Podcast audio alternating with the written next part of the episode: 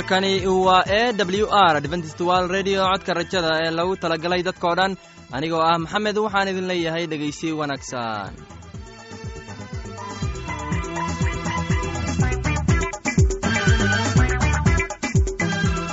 barnaamijyadeena maanta waa laba qaybood qaybta koowaad. Waxaad ku maqli doontaan barnaamijka nolosha qoyska. Uu inoo soo jeedinaya heegan kadib waxaa inoo raacaya cashar inaga imaanaya bugga nolosha. Uu inoo soo jeedin doono sulaymaan. Labadaasi barnaamij ee xiisaha leh waxaa inoo dheer heese daabacsan oo aynu idiin soo xulnay kuwaasoo aynu filayno inaad ka heli doontaan.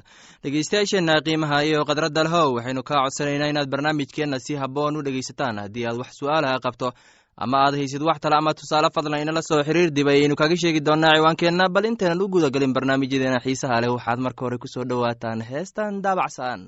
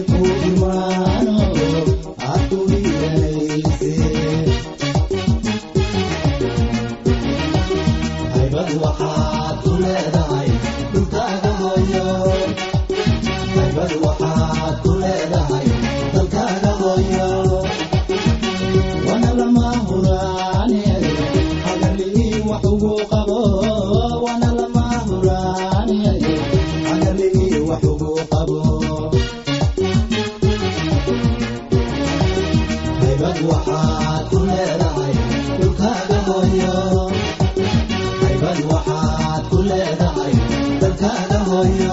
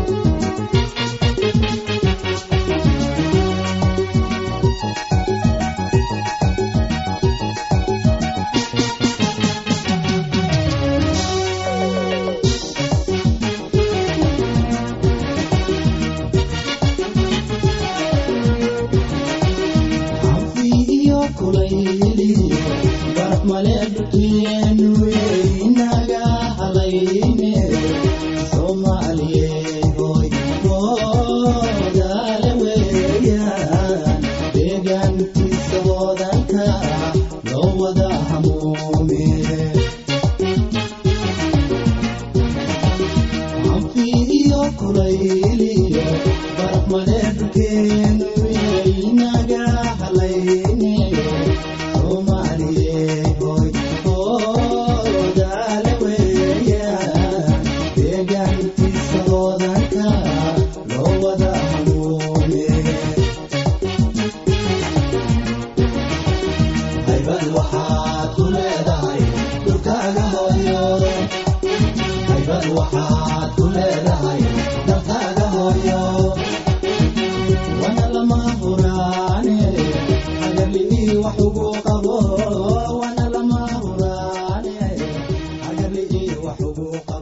Barnaamijkeena nolosha qoyska waa mid muhiim ah. Waxaan rajaynayaa inaad ka faa'iidaysan doontaan barnaamijkaasi.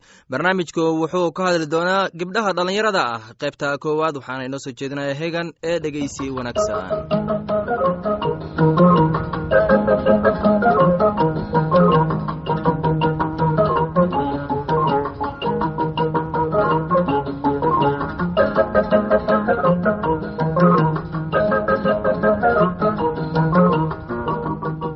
dhegeystayaasheena qiimaha iyo qaayahalahow ku soo dhowaada barnaamijkeenii nolosha qoyska.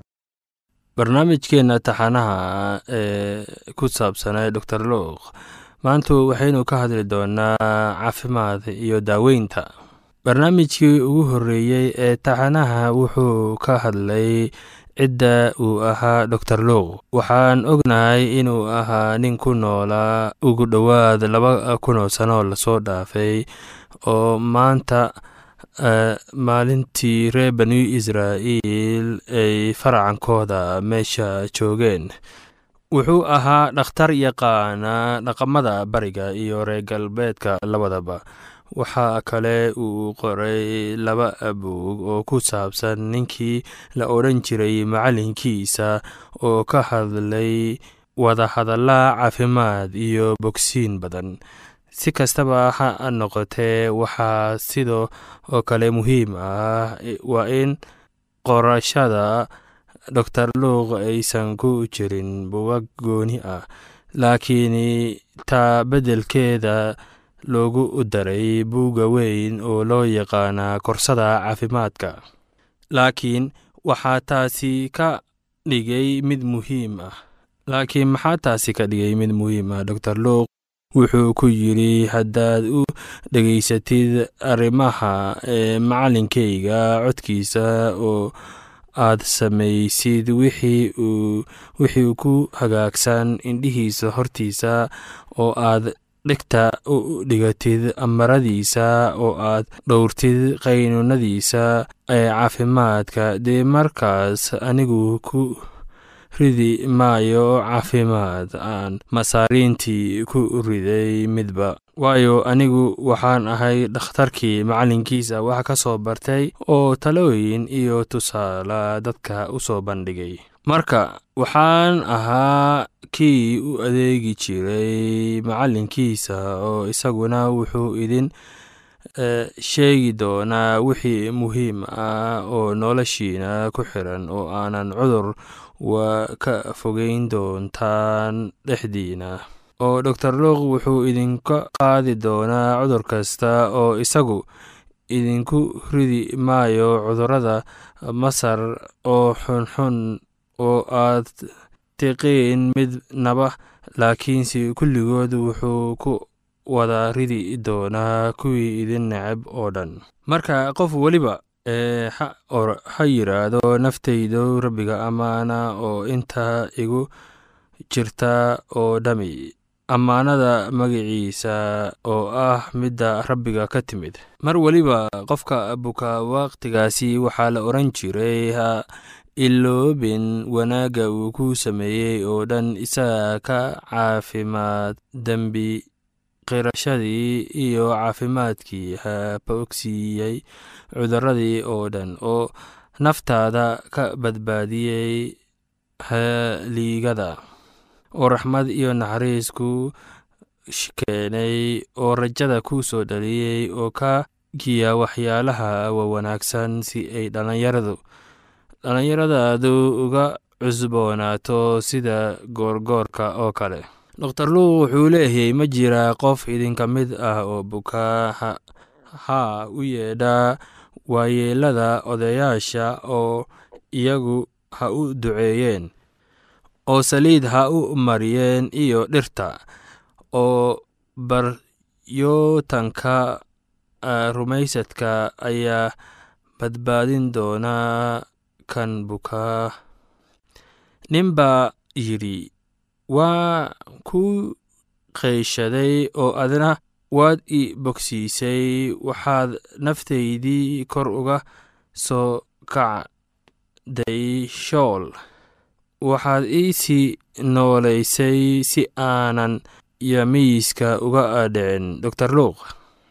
Wuxuu ku wareegay galili oo isaga iyo wadaadadii wax ku baraya caafimaadka boqortooyadii ku wacdiyey oo bukaanka oo dhan oo iyo cayn kasta oo cudur ah oo bogsiiya dadka. Oo warkiisuna wuxuu wada gaadhay dalka suuriya oo dhan oo waxay u keeneen kuwa buka oo dhan oo cuduro kala cayncayn iyo dhibaatooyin badan qaba iyo kuwa jinniyo qaba iyo kuwa curyaan ah iyo kuwa curyaan aan ahayn wuuna bogsiiyey iyaga. Ugu dambeyntii inkasta uu bini aadamku yahay bulsheed in ay dadku ka yimaadeen abuur isaga si uu uga noolaado wada noolaasho iyo xidhiidhi dadka kale sida kale ee bilowgii caafimaadka taariikhda sida ay qorayso waxaa lagu leeyahay laakiin aadam waa caawiyey wanaagsan si ay looga helin laakiin rabbiga hurdo ayuu ku riday ninkii intuu jiifay isana wuxuu ka qaadhay mid ka mid ah feerihiisa oo meeshaasi ku xirnaa hilib. Oo rabbiga ahu naag buu ka sameeyey naagtii oo wuxuu ka qaatay ninkii oo wuxuu iyadii u keenay ninkii markaasuu yidhi tanu hadda waa laf ka mid ah lafahayga iyo hilib ka mid ah hilibkayga waxaa lagu yeegi doonaa naag waayo iyadii waxaa looga soo saaray ninkii. Sidaa daraaddeed wuxuu ka tagay aabbihii iyo hooyadiis wuxuuna la joogay naagtiisa oo waxay noqonayeen isku jidh qoraalkani wuxuu sheegayaa in nin kasta loo abuuray inuu la noolaado kuwa kale gaar ahaan xiriirka guurka. Marka bani aadamku waa qof abuuray oo leh dhinaca jidheed ruux ahaaneed maskax ahaaneed iyo bulsho ahaanba wax kasta uu qabayo wax kasta uu qabanayo. Markii ay dhibaato ka dhacdo mid ka mid ah goobahana waxaa sidoo kale dhibaatooyinka jira. Agaaga sameyn ku yeelan karaa caafimaadkeedana. Tusaale ahaan markii aan goobno dhibaatooyin xagga jirka ah waxay ahaan doontaa cuduro marka haysanno dhibaatooyin xagga ruuxa ah. Waxaa xiriir hoose la leenahay ee rabbiga. Tani waxay baabi'in kartaa. Tani waxay sabab u noqon kartaa tusaale ahaan keli ahaanta.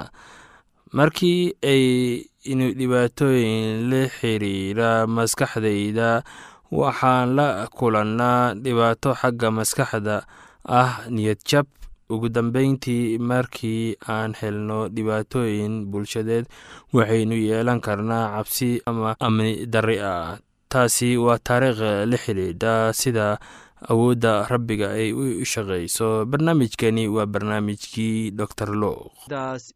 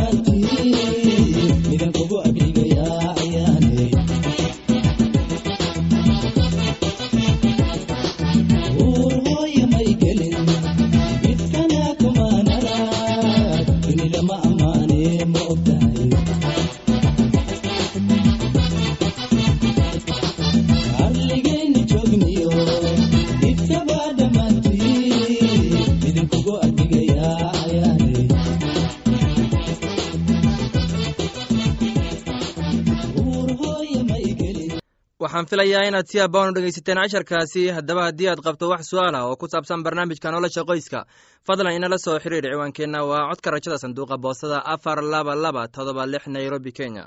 Mar labaad ciwaankeenna waa codka rajada sanduuqa boostada afar laba laba todoba lix nairobi kenya. Waxaa kaloo inagala soo xiriiri kartaan emeilka somali e w r at yahu dt com. Mar labaad emeilka waa somali e w r at yahu dt com. Haddana waxaad ku soo dhowaataan heestan daabacsan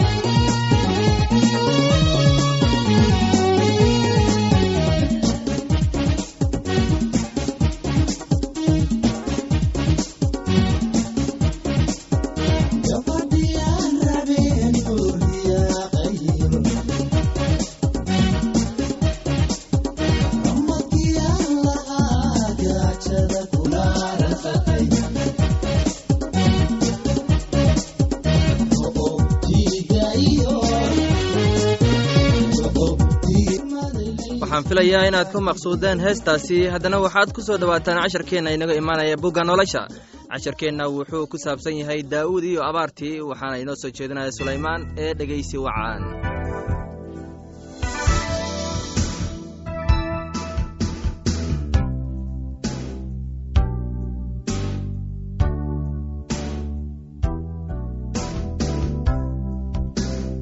oo wakhtigii daawuud abaar baa dhacday intii saddex sannadood ah oo sannadkaba sannad ka dambeeyo markaasaa daawuud rabbiga baryey rabbiguna wuxuu yidhi tanu waxay ku timid saa'ool iyo reerkiisa dhiigga qaba.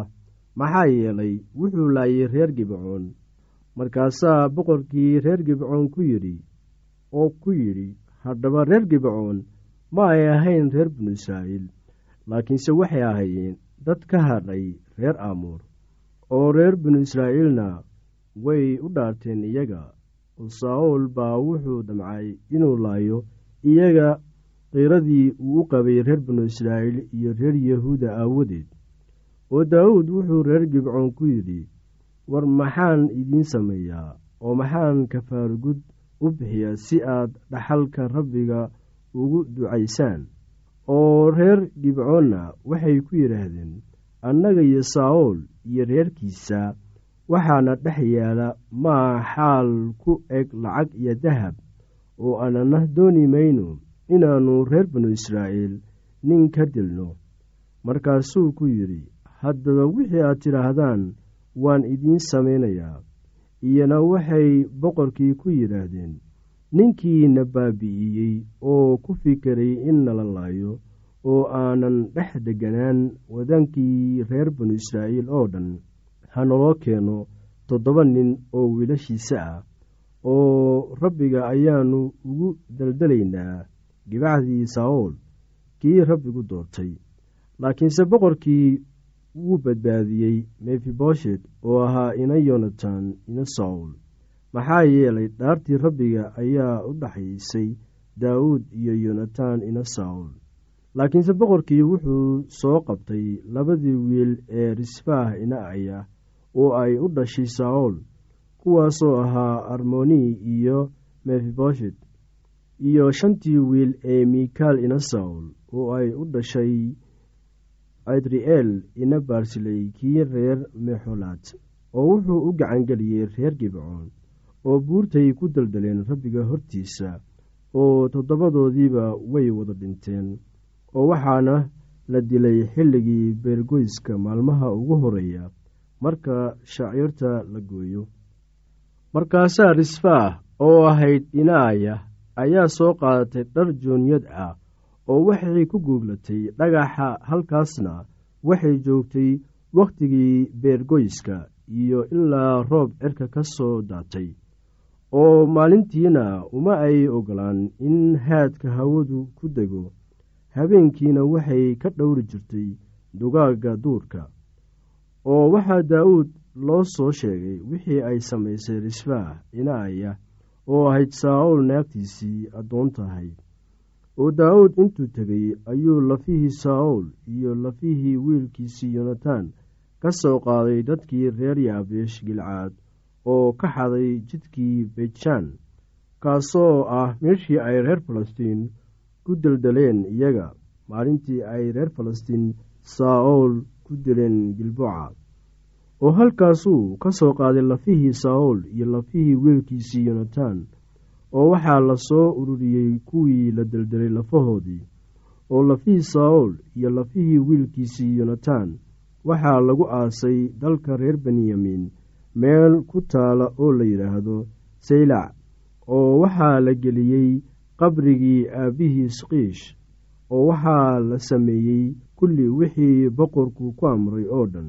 Oo taas dabadeedna ilaah baa dalkii loo baryey. Oo haddana reer falastiin waxay la dirireen reer banu israa'iil markaasaa daawuud dhaadhacay isaga iyo addoommadiisii la socdayba oo waxay la dirireen reer falastiin laakiinse daawuud wuu taaggabay oo yeshbii benob oo ka mid ahaa wiilashii reefaa oo miisaanka warankiisu ahaa saddex boqol oo sheqil oo naxaas ah seef cusubna dhexda ugu xidhnayd ayaa damcay inuu daa'uud dilo. Laakiinse daawuud waxaa caawiyey abishaay oo ay suuriyaha dhashay oo intuu kii reer falastiin wax ku dhuftay ayuu dilay markaasaa daawuud raggiisii dhaar u mareen oo ku yidhaahdeen adigu mar dambe dagaal noola bixi maysid yaadan laambadda reer binu israa'iil baktiine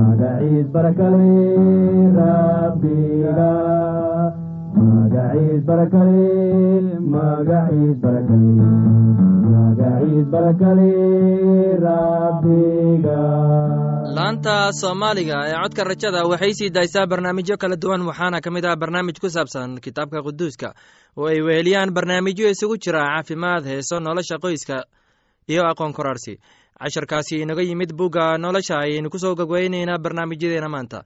Halka aad inagala socoteen waa laanta afka soomaaliga ee codka rajada ee lagu talagalay dadkao dhan. Haddaba haddii aad doonayso inaad wax ka kororsato barnaamijka caafimaadka barnaamijka nolosha qoyska ama aad doonayso inaad wax ka barato bugga nolosha fadlan inala soo xiriir ciwaankeenna waa codka rajada sanduuqa boostada afar laba laba todoba lix nairobi kenya. Mar labaad ciwaankeenna waa codka rajada sanduuqa boostada afar laba laba todoba lix nairobi kenya. Waxaa kaloo inagala soo xiriiri kartaan emeilka somali e w r at yahu dt com. Mar labaad emeilka waa somali e w r at yahu dt com. Dhegeystayaasheenna qiimaha iyo khadradda lehow meel kasta aad joogtaan. Intaa mar kale hawada dib ugu kulmayno. Anigoo ah maxamed waxaan idin leeyahay sidaas iyo nabadgelyo